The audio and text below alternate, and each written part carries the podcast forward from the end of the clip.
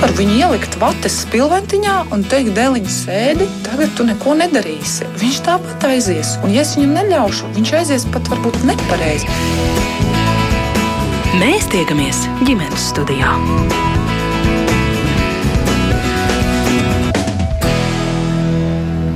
Labdien! Priecājos sveicināt jūsu visus redzējumu ģimenes studijas klausītāju. Mans vārds ir Agnese Linka, šī redzējuma producente ir Ilza Zvaigzne. Bērnu slimnīcas fonds kopā ar speciālistiem ir uzsācis darbu pie rīcības plāna nepilngadīgo grūtnieču atbalsta sistēmas pilnveidošanai Latvijā. Kāpēc šāda iniciatīva, kāds atbalsts ir nepieciešams un kāds pieejams jau šobrīd, un kāda vispār ir situācija ar nepilngadīgo grūtnieču skaitu mūsu valstī, kāda statistikas dinamika par to sarunu šodien redzējumā tās dalībnieces būs bērnu slimnīcas fonda vadītāja Liena Dāmbiņa. Labdien! Labdien! Arī SOS bērnu ciemata programmas piedzimstot bērniņam vadītāju un pepmāma Solvits Tengrēvica Grāvīte. Labdien! Labdien! Es gan neesmu vadītāja, precizēšu. Pepmama. Labi, Jā, šeit paldies. projektā. Paldies par precizējumu un telefoniski bērnu klīniskās universitātes slimnīcas bērnu ginekoloģa dzemdību speciālisti Lāsma Līdaka arī kopā ar mums ģimenes studijā. Labdien! Labdien! Arī jūs, klausītāji, kā alaži varat pievienoties šai sarunai, ir kas sakāms pieredze, komentāri, kādi jautājumi, varbūt eh, rakstiet mums, sūtiet ziņas, kā alaži radījumam ģimenes studija Latvijas radio mājaslapā.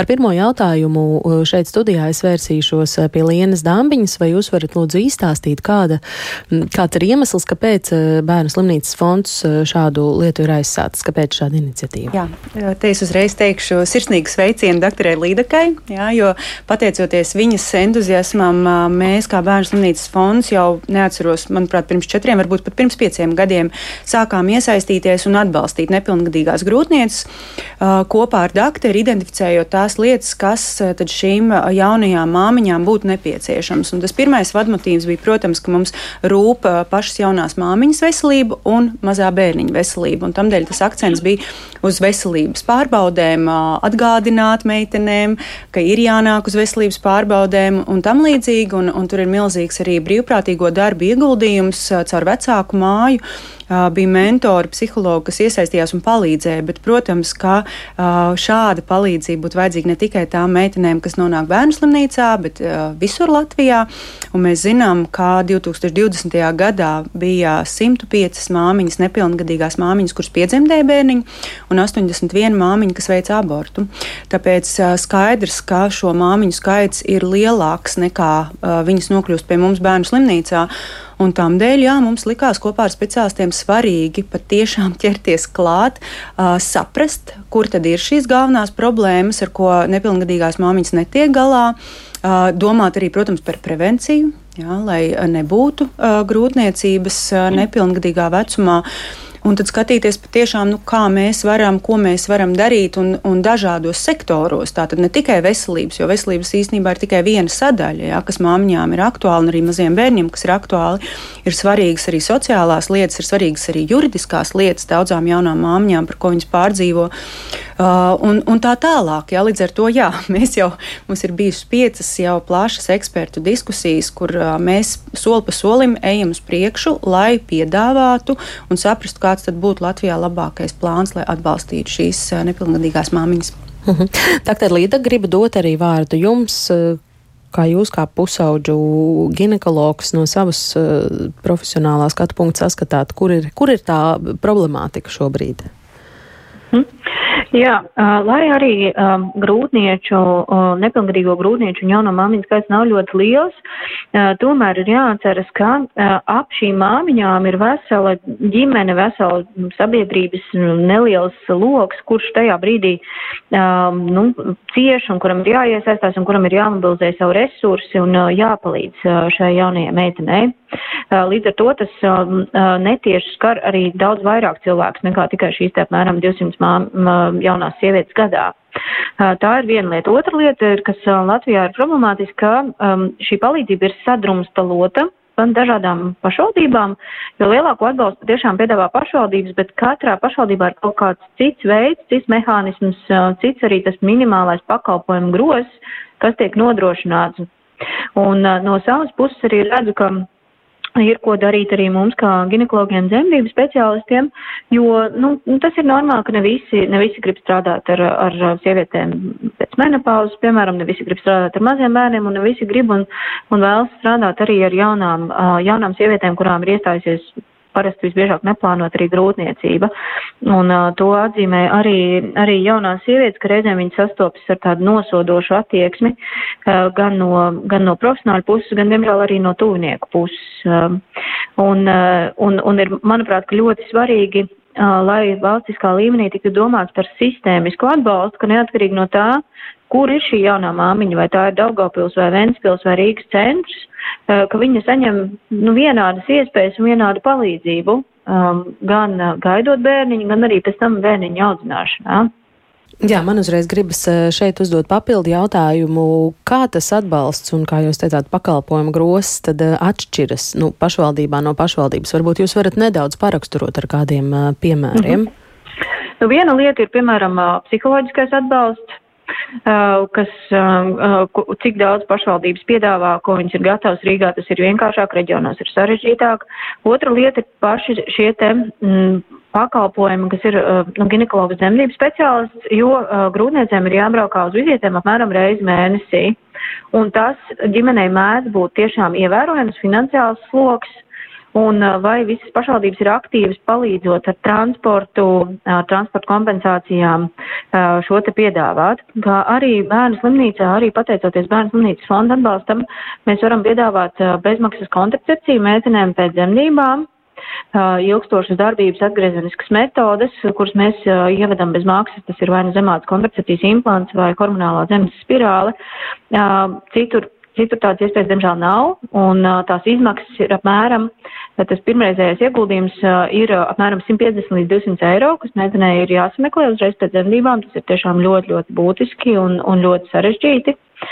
Um, un, nu jā, es gan pēdējo, pēdējā laikā ar vienu ar vienu labāku sadarbību ir ar sociālo dienestu, un, un manuprāt, ka speciālisti iesaistās un mēģina palīdzēt, bet um, Um, šī projekta ietvaros notika arī kvalitatīvs pētījums, uh, tika aptaujāt šīs jaunās māmiņas, un, un daļa no viņām arī minēja to, ka, uh, ka reizēm šīs te uh, sociālais dienests un, un jebkura cita institūcija, kur it kā radīt, lai viņām palīdzētu, ka viņi sajūt tādu nosodījumu un draudus un, um, um, nu, tādu tiešām tādu tā, tā atbalsta trūkumu um, arī tādā emocionālā ziņā. Labi, droši vien, ka pie šī uh, detalizēta vēl varbūt uh, atgriezīsimies. Es uh, gribu dot, Solvit, arī jums vārdu un vaicāt, kā jūs no sava profesionālā skatu punkta saskatāt, kas ir tās problēmas, ar ko saskaras nepilngadīgās grūtnieces, ar kurām jūs esat strādājis, ar kurām jūs esat bijusi kontaktā un kā šis darbs parasti izvēršas, kādu palīdzību jūs sniedzat un kas ir tas grūtais šīm topošajām jaunajām māmiņām. Jā. Labdien, vēlreiz. Varbūt tad mazliet ieskicēšu, kas vispār ir pepmama. Pepmama ir sieviete, kas dodas visbiežāk mājvizītēs pie tikko dzimušas mammas ar mazulīšiem un sniedz viņiem emocionālu, dažkārt arī informatīvu atbalstu. Tas ir tas, kā es nonāku pie nepilngadīgām grūtniecēm. Teikšu uzreiz, nav man bijis simtos viņas, ir patsmit meitenes, kur, ar kurām es esmu kopā strādājusi, tās, lielākoties tās meitenes ir nākušas tomēr no uh, bērnu namiem, var sakot, ar sociālo dienestu saistībā viņas ir nonākušas pie manis. Man ir tikai viena Mamīte, kurai bija spēcīga atbalsta matrica apkārt ap viņu. Visas pārējās vairāk vai mazāk tomēr kūlās vienas pašas vai kopā ar bērna tēti. Tā, kā, tā ir tā mana pieredze, par ko es šobrīd varu runāt, lai mm -hmm. es mhm. tā neuzreiz ne, nevispārinu, ka tā ir simtprocentu situācija Latvijā. Bet tas, kā jūs jautājat, kas ir tas, kas, kas viņas, kādas viņas ir, viņas ir viennozīmīgi apjukušas, viennozīmīgi viņas ir sabijušās. Viņām ļoti liels spiediens no sabiedrības, kā nu pat jau doktoris dzirdēja, arī no skolas ir. Viņas, kau, viņas ir lielāk ar kaunu izjūtu ļoti lielu, viņas vainīgas jūtas arī, jebkurā gadījumā. Uh, tas ir tas, ja jūs jautājat, jā, kā, kādas viņas ir. Vismaz manā pieredzē, mamītes ir šādas. Mm -hmm. Un tie, tie stāsti, iemesli, kāpēc šī neplānotā grūtniecība ir iestājusies, kādi ir tie? Uh, jāsaka, godīgi, es viņas ne, ļoti netincinu par to, bet tās meitenes, kuras man ir stāstījušas, jā, viņām bija, bija dzimuma dzīve, bija ar vecāku vīrieti arī ir bijušas, un, un, un, un man ir draugs, kuru es ļoti mīlu, un viņš mani ļoti, ļoti mīl, un meitenes ir sajutušās gribētas, ir sajutušas kādus pieskārienus. Un nav noslēpums, ka katrs cilvēks vēlas tikt saredzēts, un katrs grib, lai ar viņu, nu, kāds tur viņu uzmanības centrā. Un, ja bērnībā šis nav saņemts no saviem vecākiem, tad viņas iekrīt tā puiša apskāvienos, kurš ir vienīgais, kas iespējams viņai vispār ir pieskāries. Un, un, kā, un, un viņai šķiet, ka tagad tas būs tas, kas viņu izglābs, un tas, kur viņa tagad veldzēsies, un kur viņa beidzot sajutīsies novērtēt, kur viņa beidzot sajutīsies kā brīnišķīgi, vai kā, vai kā sieviete, vai kā meitene, bet, bet, bet viņas augst rūpes. Mm. Un tās tie puiši viņām iedod. Viņām vēl nav tās dzīves pieredzes, lai izvērtētu, ka tas ir uz īsu brīdi. Bet jā, tā viena reize, tā ir bijusi tā liktenīgā reize, kad bērniņš ir pieteicies. Mm. Un tas, ko es vienmēr saku, es saviem dodos pie viņām, varbūt ne tik daudz nosodīt, kā teikt, paldies, ka ir pasaulē nākusi vēl viena dvēsele. Tevis dēļ, mm. jo tu varēji arī izdarīt tā, lai viņš nenāktu. Un es viņai sāku ar to, ka es nāku paldies pateikt. Un tad iespējams, ka tie ceļi mums varbūt atvers mazliet labāk vaļā nekā, nekā jā, nu, varbūt no apkārtējās sabiedrības, kuras spiediens, kāpēc tu tā izdarīji, un tagad tu esi mums uz kakla. Bet tas, tas, ko viņas eh, sagaida no jums. Eh, viens ir tas, ko jūs esat gatava dot uz turieni ejot, tas ir šis emocionālais atbalsts. Vai ir vēl kaut kāda aspekta, par ko jūs runājat, kāda palīdzība viņām ir vajadzīga? Nu, pirmkārt, emocionāls, otrkārt, arī nu, tīri tāds nu, prak, nu, praktisks, informatīvs atbalsts. Vai tiešām bērni visi raud, vai ar manu bērnu viss ir kārtībā, kāpēc viņš tik ātri elpo, vai tas, ka viņš miegā noraustās, ir normāli. Ko darīt ar zīdīšanu, kā man barot, ja es negribu barot viņu pati ar savu krūti. Miega jautājumi, ģērbšanas jautājumi, ikvien, mm, visi zināšanas. jautājumi, zināšanas mm. arī. Tā ir otra, otra, otra tāda, ko mēs, kur, kur, kur, kur viņas jautā. Mm. Doktor Līdek, es gribu jums vēl pavaicāt, eh, piemetinot pie Solvits teiktā, Kādi, kādi ir tie jūsu vērojumi, tāda varbūt jūsu pašas subjektīvā statistika, kādi ir tie stāsti, kāpēc uh, jaunas meitenes uh, vēl pilngadību nesasniegušas, uh, kāpēc viņām iestājas grūtniecība? Vai tur var kaut kā vispārināt par šo jautājumu? Nu, tā vienkāršā bioloģiskā atbilde ir tā, ka, tāpēc, ka viņām ir bijušas dzimuma attiecības. Uh, tā, bet nu, lielākoties jau tas ir tiešām tādēļ, ka ir bijušas neaizsargātas attiecības. Un, um, no vienas reizes, patiešām no vienas reizes tādas man grūtības ir bijušas ļoti maz. Lielākoties tomēr ir tā, ka kaut kādu laiku ir lietota nedroša metode, piemēram, pārtrauktais dzimuma akts, un, uh, un tad, teiksim, it kā ir lietota prezervatīva, bet nevienmēr. Uh, un, uh, un neliela daļa meiteņu man ir tādas, kas tiešām plāno grūtniecību, bet tiešām ir arī tādas, kuras grib bērniņu.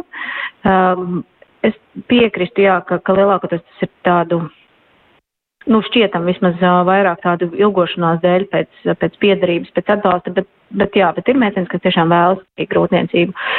Un um, tas, kas, manuprāt, kādēļ tas tā notiek, ir, ir ļoti vienkārši tādēļ, ka šos riskus neatiecina uz sevi. Jo, lai arī zina, ka ir tādi prezervatīvi, kas jālieto vienmēr, um, viņš nevienmēr vēlas iegādāties, puiši nevēlas lietot, uh, nepatīk prezervatīvi. Par hormonālo kontracepciju savukārt ir ļoti, ļoti daudz dažādu mīti, un um, um, gadījums no pagājušās vasaras, um, sestdienas rīts, um, bērns slimības uzņemšanas noģēries, tās meitene, um, 16 gadi, sāpes mugurā, un izrādās, ka viņai ir iznesta laika grūtniecība, viņai ir sākušās dzemdības, un to neviens nav pamanījis. Jā, tā notiek arī 21. gadsimtā, šī meitene gan svēra pār par 100 kg, tādēļ tas svara pieaugums varbūt nebija tik uzkrītošs, un uh, menstruācijām viņa līdzi nesakoja, tas viņai nešķiet svarīgi, līdz ar to arī šāda situācija bija izveidojusies. Un, um, Un pie visa viņai vēl tika konstatēta arī chlamīdija un gonorejas infekcija, kur par laimi tās dzemdības nenoritēja strauji, vēl paspēja iedot profilaksi, lai samazinātu bērniņa risku inficēties ar šīm ļoti nopietnējām infekcijām. Un pēc tam jau sazināties arī ar dzemdību iestādi un pacienti informējot, ka viņi var nākt atpakaļ pie mums, ka mēs viņai nodrošināsim bezmaksas kontracepciju pēc dzemdībām, viņas mamma bija pret. Viņa vienkārši negribēja. Un tā meitene ir pazudusi. Es tiešām nezinu, kas ar viņu ir noticis, vai viņi vismaz cerams ir veikuši šīs kontrolas analīzes uz infekcijām un ir pārliecināti, ka ir izārstējusies, vai viņas partners ir saņēmis ārstēšanu. Mēs to nezinām. Un šāda situācija, diemžēl, ir, ka mums ir meitenes, kurām ir um, daudz atkārtot seksuālai partneri, nedroši dzimuma attiecības, viņas mēdz klaiņot, arī reizēm lietot apreibinošas vielas un it kā visi saprot, ka tā, tā dzimuma dzīve ir, bet uh, grib izlikties to neredzam.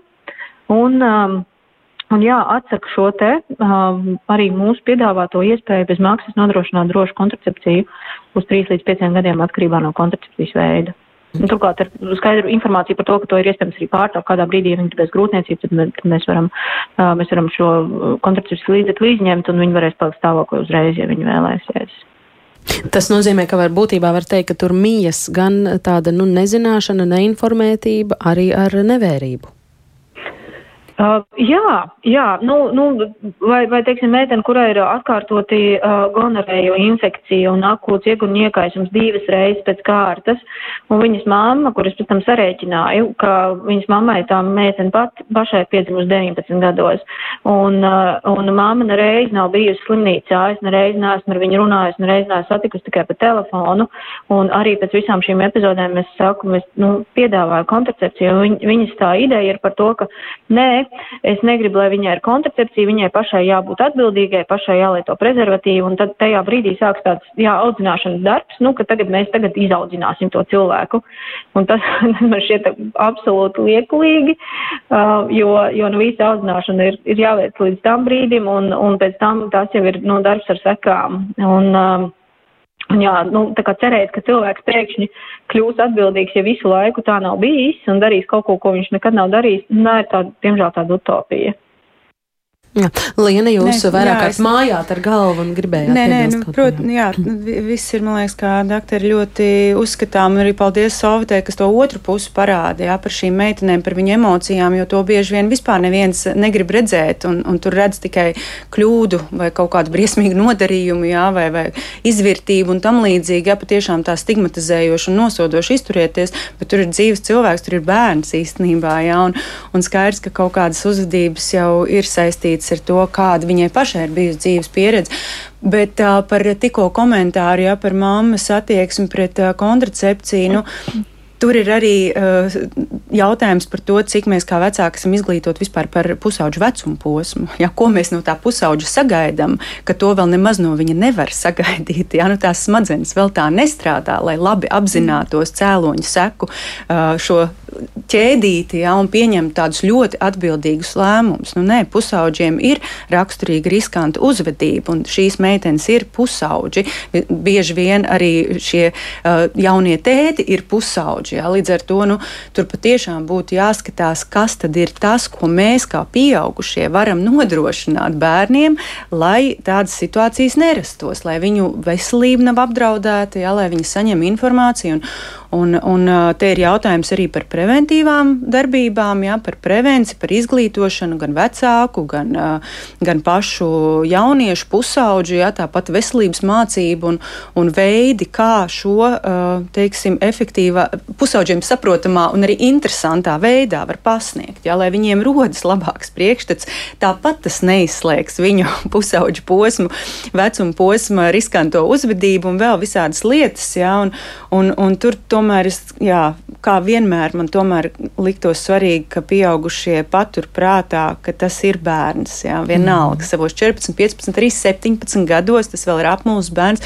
Un mēs nevaram izturēties nosodoši, eh, viņu sodīt par to, likt viņam ļoti slikti justies, tas neko neatrisina un tas vispār nepalīdz nevienam. Ja? Un tāpēc arī rūpēs par to, kad jau šis bērniņš ir piedzimis, ir svarīgi šo jauno māmiņu atbalstīt, palīdzēt viņai, eh, jo arī, arī kad man piedzima pirmais bērns un jebkurā brīdī, kad cilvēkam piedzimis pirmais bērns, ja, viņš ir absolūti apjucis un droši vien saskarās ar ļoti līdzīgām pārdomām, bet par par laimi lielākajai daļai nenāk līdzi lūk visas šīs negatīvās emocijas, mm -hmm. ko mhm. Sovita minēja par kaunu un tam līdzīgi. Un tas noteikti nepalīdz ne jaunajai māmiņai, ne arī tam mazajam bērnam, par kuru arī nu, mēs ļoti gribētu parūpēties, lai viņam arī tas dzīves sākums ir labs, pēc iespējas labāks. Ja? Un šī mhm. māmiņa varbūt nākotnē vēl gribēs būt māmiņa, un to taču mēs arī gribam. Ja?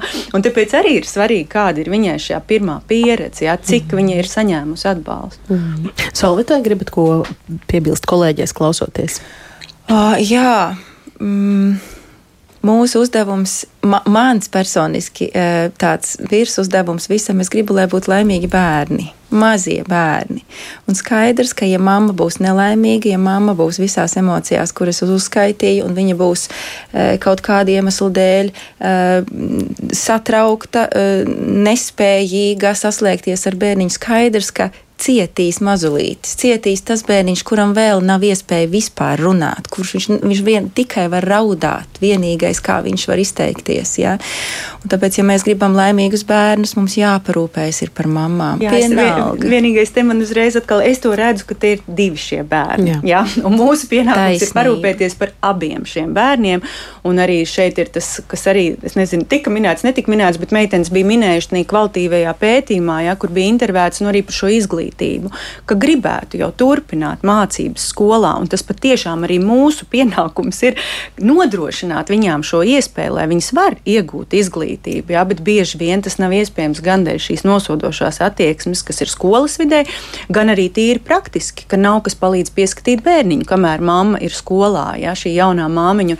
Un arī tās ir lietas, nu, kur mums ir valstī ir pienākums nodrošināt izglītību bērnam. Ja? Un šī 14-gadīgā vai 15-gadīgā nepilngadīgā māmiņa ir arī bērns, kurai arī ir tiesības uz šo izglītību. Nu, arī tas, par to mēs cenšamies šajā rīcības plānā padomāt, lai arī tāda iespēja saglabātos. Ja. Jo, Jā, jo jāņem vērā, ka viņai ir divas slodzes. Jā. Viņa strādā kā mamma 24, 7, un viņa strādā kā skolnieks. Mm -hmm. Doktor Līdaka, jā, jūs? Jā, jo par šo es gribēju arī piebilst, ka um, nu, tā tomēr lielākoties ir, ka šīs meitenes Uh, jau pirms tam ir saskārušās ar grūtībām izglītības sistēmā, un um, tagad, uh, kad viņas tiešām ir strādā divas pilnas slodzes, kā skolnieki un kā, uh, kā mammas, um, sagaidīt no viņām, ka viņas tagad lūk pašas varēs apgūt visu matemātiku un latviešu valodu un vēl pazīdīt bērniņu un vēl, vēl, vēl kaut ko, vēl kaut ko, nu, tas nav realistiski. Līdz ar to es domāju, ka ir ļoti labi arī Es priecātos, ja skolas um, vairāk atpazītu um, tās tos um, bērnus un jauniešus, nu, kas drusciņi jau sāk iet nost no ceļa, jo, jo es biju arī ļoti pārsteigta par to, ka valstī nav tāda vienota algoritma visām skolām, kas ir jādara, ja viņi pamana, piemēram, ka meitene ir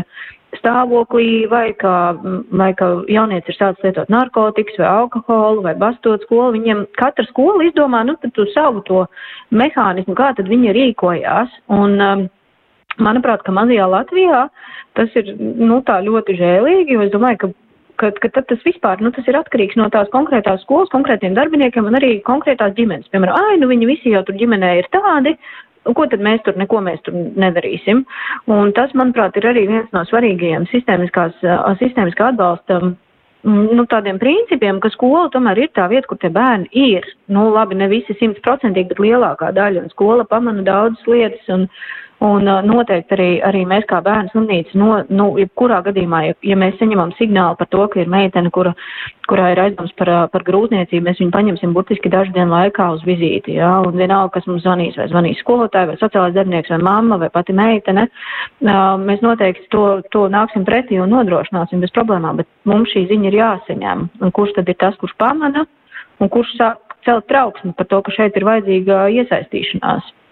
Te, Jā. Nē, te ir tas stāsts par to skolu kā resursu. Jā. Arī šī, šo grozījumu ietverā, kas tagad iet izglī, izglītības ministrijas virzieties saimā, nu, īstenībā tas jau arī ir par to, jā, cik skola ir gatava būt kā resurss šim bērnam. Un mēs zinām, ka daudzām ģimenēm, nu, daudziem bērniem nav šis ģimenes resurs tik labs, kā mēs gribētu, un skolai būtu milzīgs potenciāls un iespēja būt resursam, jā, un arī atbalstīt. Jā, es pilnīgi piekrītu, ka būtu svarīgi, ka visā Latvijā ir vienota pieeja tam, un tās nav tik biežas situācijas. Jā, Ja, bet ir ļoti svarīgi, ka tādās situācijās ir adekvāta atbalsta sistēma nodrošināta bērniem. Ne tikai jā, nepilngadīgām grūtniecēm, arī bērniem, kuriem ir cita veida grūtības uz kādu brīdi, jā, kas ir izprovocētas varbūt no notikumiem mājās. Kā mēs to pamanām, cik skolotāji ir zinoši jā, par tām pazīmēm, kas var liecināt par kādām problēmām, ar kurām bērns tajā brīdī ir un kā var atbalstīt, lai viņš neizkrīt no šīs izglītības sistēmas. Mm -hmm. turklāt, turklāt šīs situācijas jau ir vecas kā pasaule nu, tā kā vienmēr tas ir bijis, ka pusauģu vecumā kādi pusauģi, nu, pa, kādi pusauģi sastopās ar dažādām grūtībām, vai tās ir atkarības vielas, vai tā ir grūtniecība, vai tās ir problēmas ģimenē.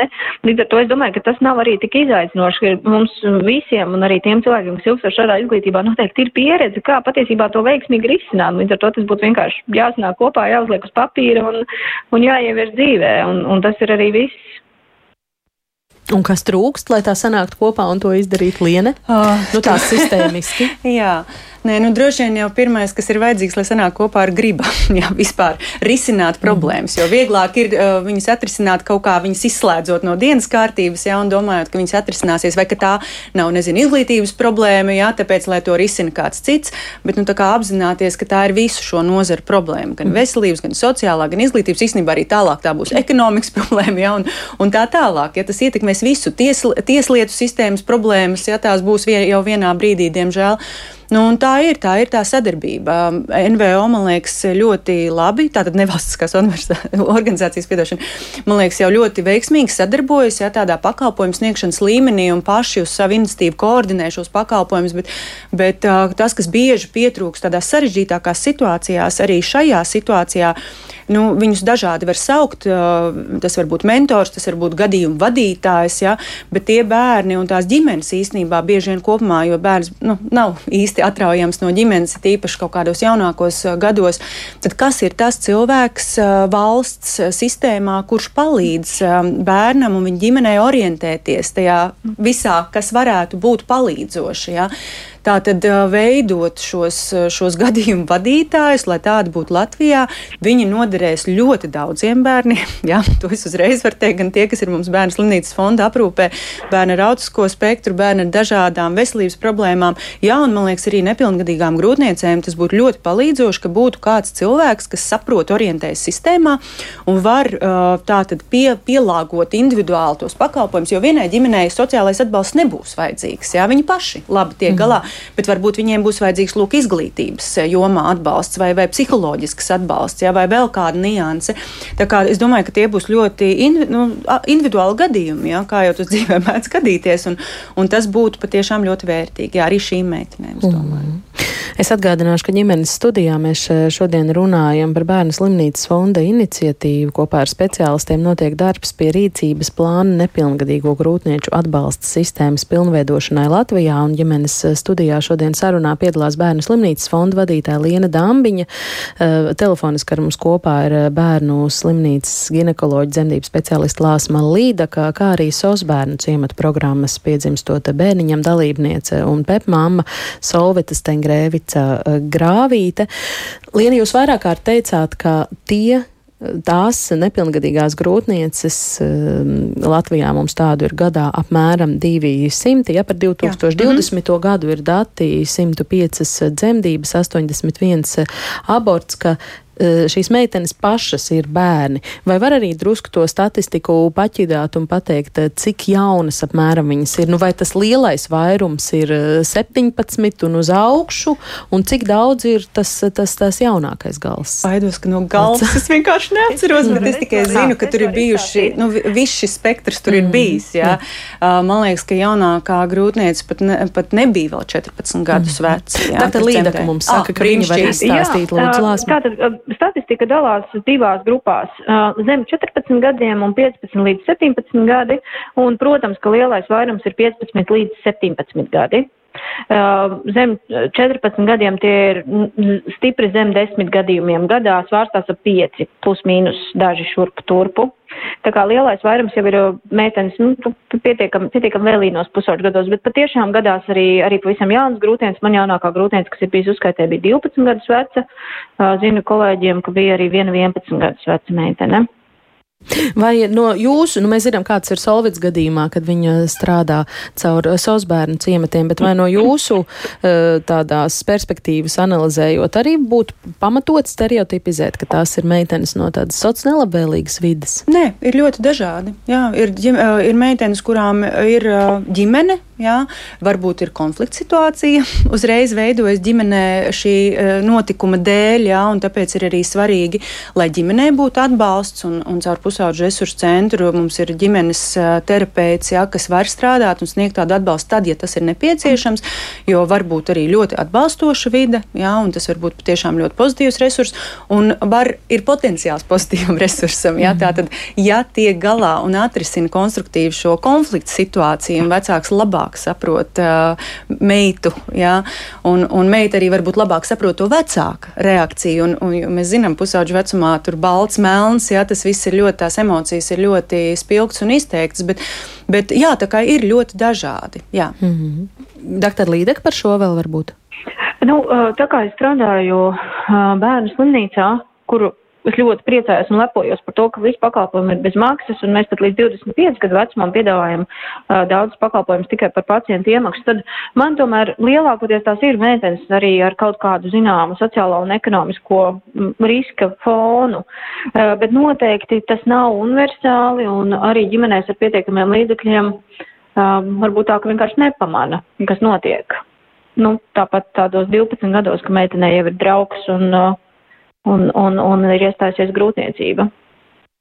Eh, Solvita, gribu atkal jums dot vārdu un eh, jautāt šeit kolēģies klausoties, vai jūs fiksējat tās lietas, teiksim, cik lielā mērā atšķiras tā problemātika un tas, kāds atbalsts ir nepieciešams nepilngadīgai grūtniecei, mm, kas eh, nāk varbūt no ārpus ģimenes aprūpes un, un visu šie pārējie gadījumi. Vai tur ir kaut kādas atšķirības, kad citi akcenti, kā jūs teikt? Es pieļauju, ka jā, jo meitenei, kurai ir atbalstošā matrica gana spēcīga apkārt, viņai viņai noteikti, ka mamma vai, vai, vai, vai nu, jeb, jeb, jeb, jeb kāds ģimen, ģimenes, ģimenes loceklis dod viņai to primāro pavisam kaut vai nu, labās, labās domas, un, un, un tā skaitā nodrošina arī finansiāli, kur meitene nevar viena pati sev nodrošināt, kur nu vēl ar bērnu tajā laikā. E, savukārt sociālā riska, ģime, ģime, sociālā riska mamām atkal ļoti, ļoti tā nu, vajadzība pēc kāda cilvēka, ar ko parunāties, ir ārkārtīgi svarīga. Ja pat varbūt ne par bērniņu, pat vienkārši par viņu, par to, kā viņai klājas. Tāda nu, primārā tāda mammas, mammas aizvietošana viņai ļoti, ļoti vajadzīga cilvēks, kas pieņem viņu, kas nenosod, kas pieņem ar to, kas, nu, kādā situācijā viņa šobrīd ir nonākusi. Ja? Viņa pati ir sabijusies. Nu, ko viņai līdz tas, ja viņai vēl pārējie brauc ar buldozeru pāri? Ja?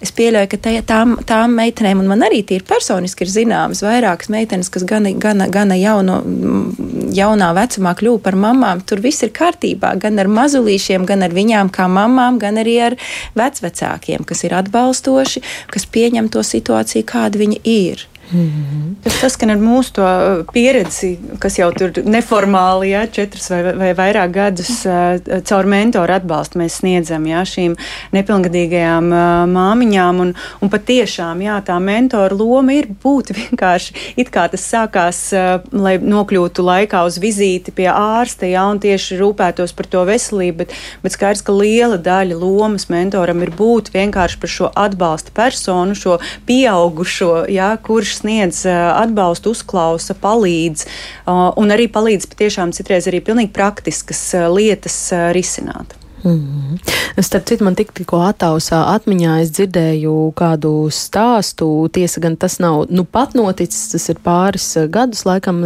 vecs stāsts par to, ka uh, ja neplānot grūtniecību iestājas eh, meitenei esot bērnu namā, tad, eh, tad kad bērniņš piedzimst, viņus eh, šķir un mazulīti ved uz zīdaiņu aprūpes namu, un bērnu nama audzēknei jāpaliek ir tur, kur viņa mitinās. Vai jūs kaut ko par šo zinat? Nemāciešu komentēt tās meitenes, kas uh, manā pieredzē ir bijušas, tās, kas ir saglabājušas bērniņš. Diemžēl man ir arī pieredze, kur to, tomēr, lai kā mama cenšas un lai kā apkārtējie cenšas tomēr tomēr bērniņš tiek izņemts no ģimenes un atdots adopcijā vai, vai nu, kā kādu.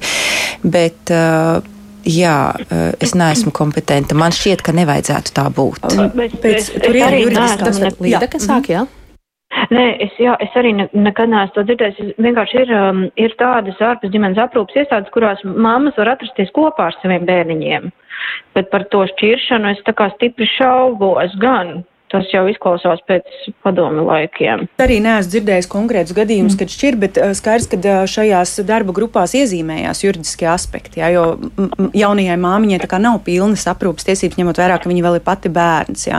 Un tāpēc jā, tur ir svarīgi saprast, un dažreiz tie ir vienkārši jautājumi, bažas un bailes, kas ir šīm jaunajām meitenēm, kas tad notiks. Jā, vai var mm. atņemt bērnu, vai nevar atņemt, jā, vai, vai man būs tās aprūpas tiesības, nebūs. Un tur ir svarīgi vienkārši uh, salikt pa plauktiņiem, lai vismaz to smagumu no jaunās māmiņas noņemtu, jā, lai viņi justos uh, droši un zinātu, jā, mm. kas viņu sagaida. Bet kā juridiski ir, ja māma pati dzīvo kopā ar saviem vecākiem, viņai ir parasta tipiska ģimene, tad vecāki ir šie mazuļi? Manuprāt, jā.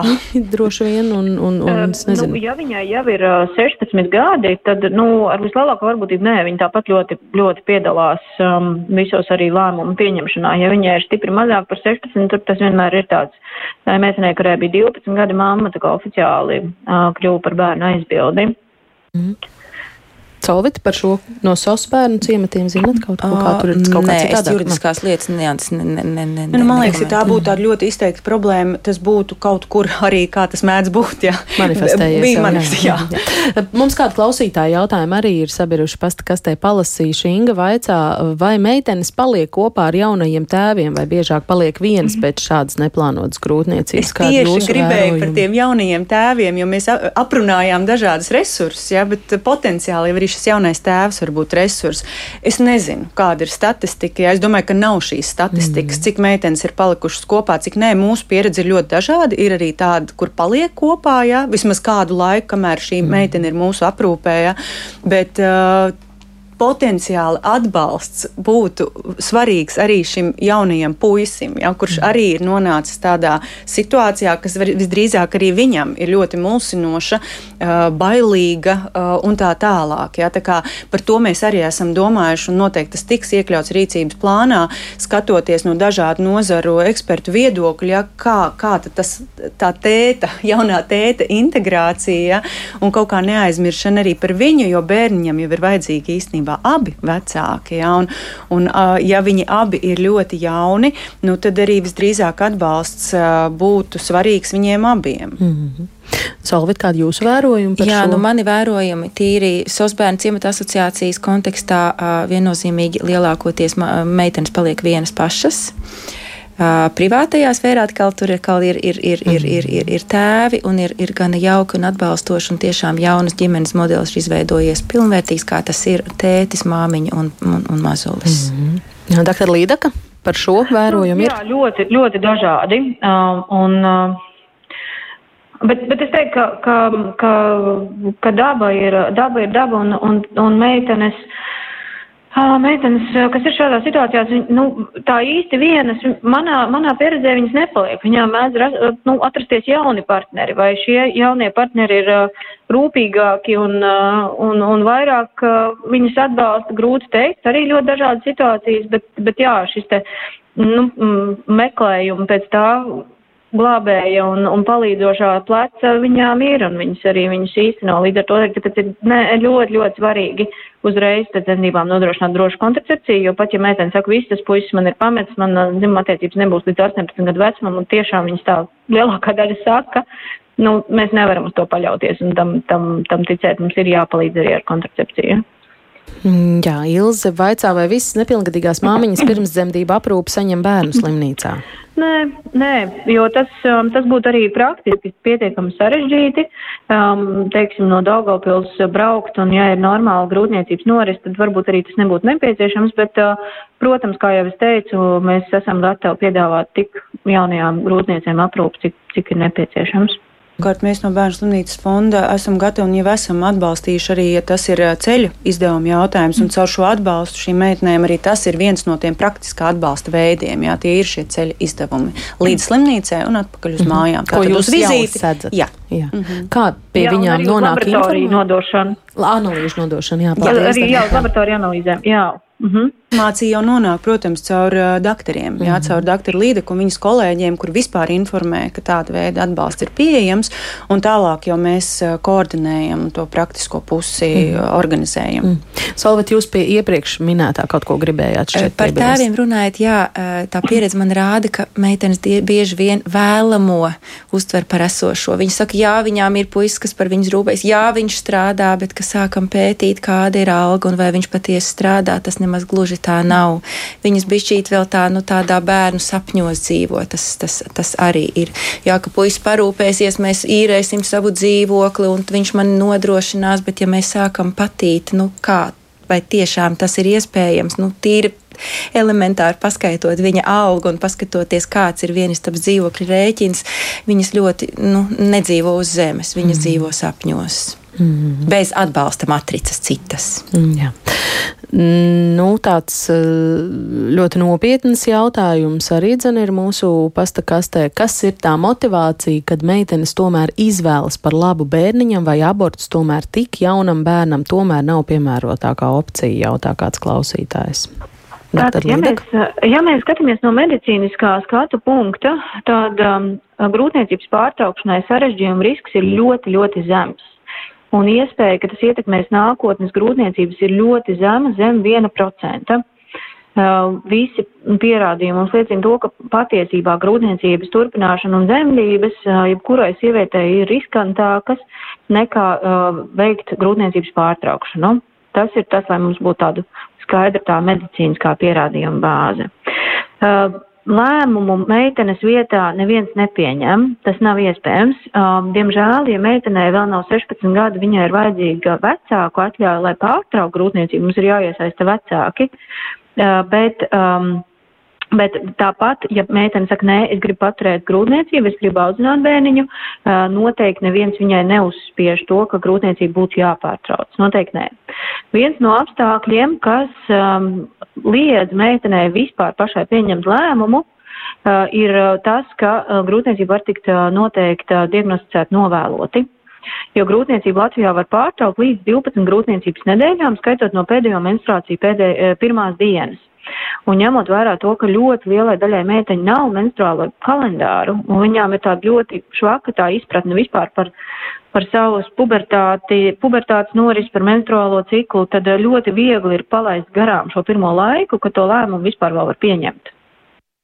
Un mēs pietiekami bieži redzam situācijas, ka meitene atnāk tādā grūtniecības laikā, ka, ka viņa, nu, viņai nav izvēles iespējas, viņa, viņa šo bērniņu dzemdē, un tad tālāk viņa attiecīgi vai nu audzina, vai nodod adopcijai. Man gan nav bijis neviena, kas nodod adopcijai, neskatot to gadījumu, kur, kur mamma, meitenes mamma uzņēmās ievērojams rūpes par bērniņu. Uh, viņas visas manā praksē bērniņu ir paturējuši. Un um, te noteikti ir jārunā par to par uh, jauniešu un bērnu izglītības līmeni, par to, cik ātri mēs sākam izglītot uh, bērnus un jauniešus un cik viņi vispār saprot par savu ķermeņa norisēm, jo šo laika periodu ir ļoti viegli palaist garām. Un vecākiem liekas, ah, viņš ir maziņš, viņš neko vēl nesaprot, bet mūsdienās meitenēm mēnešais par pilnīgi mierīgi sākties arī 9 un 10 gadu vecumā. Normāli dzimuma pazīmes, tas ir krūtis un apmetojums var sākties jau no 8 gadu vecuma. Līdz ar to ir ļoti svarīgi, lai tajā brīdī bērns jau ir izglītots un saprot, kas ar viņu notiek. Jo tad, kad sāk darboties hormoni, pārmaiņas ir ļoti intensīvas, uh, viņš vairs nu, nevēlēsies visticamāk ar vecāku apspriešos jautājumus. Un, un tad tas, tas jau būs ļoti lielā mērā nokavēts. Tādēļ arī mēs bērnu slimnīcu esam uh, tikko uh, izveidojuši un palaiduši gaisā filmiņu par to, kā rodas bērni, kas ir domāti tieši pirmskolas un sākumskolas vecuma bērniem. Un es tiešām uzskatu, ka tas nav par āgru, lai izstāstītu, kāds tad ir nu, kā tad tie bērni rodās, jo, jo bieži vien ir tā, ka uh, visas tās sarunas par, uh, par reprodukciju sākas tikai tā brīdī, kad tuvojas jau mēnešreiz. Un uh, bieži vien liekas, ka nu, tad jau bērni zina, kā tie bērni rodas, un šīs svarīgās informācijas uh, informācija netiek sniegta. Um, tādēļ, manuprāt, ir ļoti svarīgi jau laicīgi sākt uh, runāt ar bērnu par visām ķermeņa norisēm, tā skaitā arī par uh, gaidāmo dzimumu attīstību un, un, un to, kas viņu var sagaidīt. Un tad mēs arī varam cerēt, ka bērns uh, tiešām un jaunietis attiecina uz sevi tos riskus, un viņš saprot, ka viņš ir tāda pati sieviete, tās pats vīrietis kā vispārējie, un grūtniecības jautājums ir aktuāls viņam, ka tas var notikt ar viņu. Mhm. Piekrītat, ka šāda mm, izglītojoša rakstura informācija jā, nu, arī ierakstās kopējā to, plānā. Ko, ko nedara vairs veselības mācība, jā, bet, uh, un arī varbūt, ko daži vecāki neizdara mājās, jā, bet uh, man liekas, ka patiešām es arī ļoti rekomendēju šo bērnu slimnīcas uh, filmiņu, kāds bija viņa nosauc par mūsdienu digitālo zīlīti, jā, mm. vai video zīlīti. Kas mums ir jāraksta starp citu Google, lai tā tieši oh, ātri līdz tai tiktu? Tā, tā, tā, tā. Lāsma, varbūt tu vari palīdzēt, kas... Vesela pasaule.lv Vesela pasaule. Vesela pasaule.lv.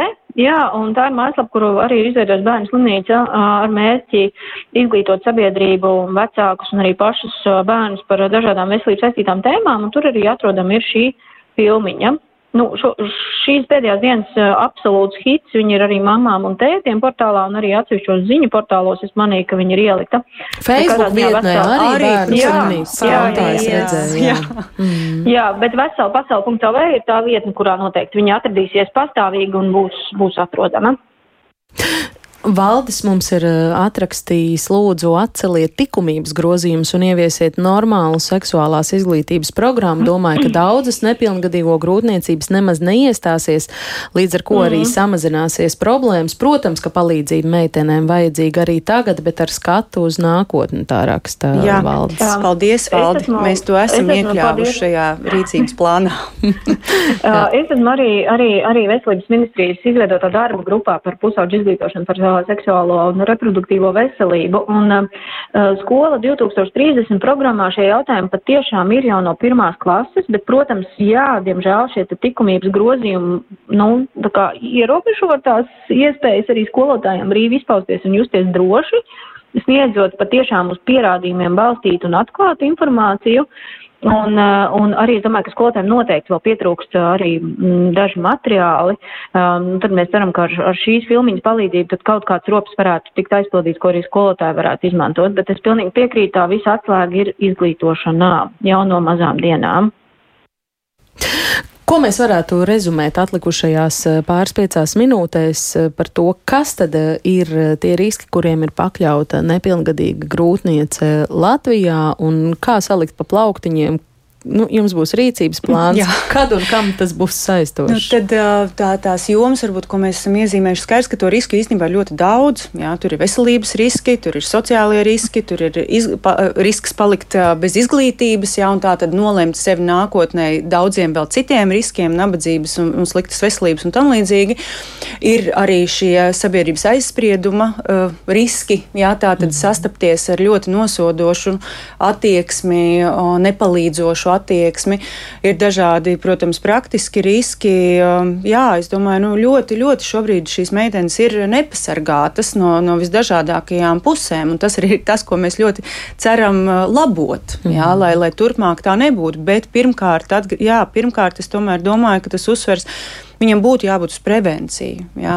Skaidrs, ka mums ir jāparūpējās par piln, meitenēm un, un, un maziem bērniem, bet mums arī ļoti jādomā, kā preventīvi strādāt uh, caur izglītības jomu, caur dažādiem pasākumiem, uh, lai, jā, lai līdzīgi kā doktora teica, meitenes uh, un puiši arī, ja mēs slēgtu par tām meitenēm, es pati sev to tagad saku, jā, bet puišiem arī taču ir milzīga loma šajā notikumā. Un, un tāpēc, jā. Prevencijā mēs runājam par zināšanām un pieejamāku kontracepciju. Jā, un jā, dažādi veidi, nu tā zināšanas būtu droši vien dažādi veidi materiāli. Turklāt tā zināšanas ne tikai lūk šiem jaunajām meitenēm un puišiem, ja, bet arī vecākiem. Jā, lai viņi saprot, gan saprot labāk pusauģu vecuma posmu problemātiku, riskus un tā tālāk. Jā, saprot, kā labāk par to runāt ar savu pusaudzi. Um, jā. Mhm. Salvet jums, kas piebilstams, kaut ko piemetināt, varbūt noslēgumā vēlties? Tā, jā, grūti teikt. Nu, man gribētos, lai mēs vēršamies un, un, un, un koncentrējam gribēšanu palīdzēt tām meitenēm, tās, kuras ir kļuvušas par mamām. Man ļoti gribētos, lai cilvēki, kas ar viņiem strādā, patiesi gribētu viņ, viņam palīdzēt, lai viņām viss tālāk. Nu, ne viss, iespējams, tā nevar teikt viss, bet lai viņām būtu vieglāk uh, adaptēties šai dzīvē, mammas lomā, lai viņas ātrāk, lai viņas tiktu atbalstītas, lai ātrāk saprastu, kas ar viņām ir noticis un kā tālāk dzīvot iespējami labāko, ko viņas var izdarīt, nevis viņām vēl cīnīties ar, nu, tā kā, kā pakausī elpo kāds ar nevis ne, nepārāk labām domām. Mm -hmm. Doktor Līdaka rezumējot vēl. Jā, es vēl par puišiem. Es gribētu uzrunāt visas puišu mammas un puišu tētus un citus apkārtējos, kur ģimenē aug puiši. Um, patiešām tā šķiet, ka nu, tā meitene, tur tā kontracepcija meitenē, mēnešies meitenē, viss ir meitenē, bet uh, es gribētu likt aiz aus, um, ka uh, puisis pieņem lēmumu, ka viņš varētu kļūt par tēti tajā brīdī, kad viņš pats nav uzvilcis sev prezervatīvu. Un tā tas ir, jo paļauties uz to, ka tā meitene būs padomājusi, nu nerunāsim par pārtraukto dzimumaks vai ka kaut kā, ja kaut kā tas atrisināsies, uh, un uh, gal galā, ja viņam šķiet, ka, nu nē, šī meitene pat, ja paliks stāvoklī, viņa noteikti grūtniecību pārtrauks, uh, neviens puisis par to nevar justies droši, un tāpēc puišiem pat tiešām ir jābūt un jāsaprot, ka tā ir arī viņu atbildība, vai viņi grib kļūt par tētiem. Un, uh, un, un tiešām meiteņu izglītošanu vēl ļoti nopietni uztver, jo ārprāts, ārprāts būs grūtniecība un ak Dievs, bet um, tā sejas izteiksme, uh, ko es esmu redzējusi puišiem, kuriem es pasaku, ka uh, ir grūtniecība un grūtniecības laiks ir tāds, ka to pārtraukt tāpat vairs nevar un viņi būs tēti. Nu, tas ir kaut kas, kas man liek domāt, ka puiši ir jāizglīto vēl vairāk, lai viņi saprastu un apzinātos patiesībā tos riskus, kam viņi sev pakļauj uz visu atlikušo dzīvi, jo viņi vairs nekad nebūs netēti. Tieši tāpat kā mamma nebūs ne mamma, vienalga, kas ar to bērniņu būs, vai viņi nodos adopcijā vai audzinās pati un kā tas viss izvērtīsies. Tas ir, nu, tas, tā ir viena no tādām dažām neatgriezeniskajām lietām, kas ar mums dzīvē notiek. Mēs kļūstam par vecākiem. Liena, visbeidzot, pēdējais eh, jautājums jums. Nu, kā vairāk kārt šeit teicāt, nevalstisko organizāciju centieni izveidot šo rīcības plānu ir. Eh, kā jūs teikt, kurai no iesaistītajām pusēm tās gribas runāt par šiem jautājumiem varētu būt vairāk? Oi, es tomēr ļoti ceru, ka visām ministrijām, pat ja nebūs griba, tad uh, būs, uh, nu, būsim mēs spiesti to risināt. Mm. Tā ir mūsu atbildība. Nu, gan valsts, gan nevalstisko organizāciju, ka viena pieauguša cilvēka atbildība ir parūpēties par bērniem. Un šajā gadījumā par diviem vai pat trīs, ja mēs ieskaitām arī jaunos tētus, ja, tad tur pat to bērnu sanāk vairāk. Un, un es domāju, ka um, ar labklājības ministriju, veselības ministriju, nu, tās ir varbūt jomas, kuras to uztver tiešāk, ja, ka tas ir viņu pakļāvība sabiedrībā esošas lietas, tur sociālais atbalsts, lūk, sociālais dienests jau iesaistās kaut kādās situācijās, veselības joma, jo, protams, tas skar māmiņu veselību, nu, bet ļoti svarīgi būs šī izglītības joma, jā, lai mammas var un arī jaunie tēti, lai, vi, lai bērni var iegūt izglītību jā, pie dažādiem dzīves apstākļiem un dzīves notikumiem. Kad šis rīcības plāns būs gatavs, kad mums jāatgriežas pie šīs? Oh, es domāju, ka mēs jā, pēc pāris mēnešiem varēsim turpināt šo sarunu un būsim jau tikuši krietni tālāk. Jā. -hmm. Paldies par eh, sarunu ģimenes studijā. Es šodien saku bērnu slimnīcas fonda vadītāja Lienai Dambiņai, arī SOS bērnu ciemata programmas piedzimstot bērniņam pārstāvēju un pep mammai Solvitai Stengrēvicai Grāvītei. Un, uh, telefoniski ar mums kopā bija Bērnu Kliniskās universitātes slimnīcas bērnu ginekoloģa dzemdību speciāliste Lāsma Līdaka. Paldies arī jums, doktor, ka veltījāt mums savu laiku. Šodien radījumu veido Ilza Zvaigzne, Katrīna Bramberga un es Agnese Linka. Kopš oktobra sākuma Rīgas skolēnu un bērnu dārza audzēkņu vecākiem jānodrošina pusdienu līdzmaksājums, vai ir izdevies novērst tehniskās ķibeles, un, ar ko saskrārās daudzi vecāki pagājušajās un, un iepriekšējās nedēļās, un vai nesamazināsies to bērnu skaits, kas tiek pie pusdienām un kas pāēd silts pusdienas skolā. Par to mēs diskutēsim ģimenes studijā rīt. Klausieties un pievienojieties sarunai ģimenes studijā, kā vienmēr klausieties arī podkāstos, mobilajā lietotnē un sekojiet mums sociālos tīklos uz sadzirdēšanos.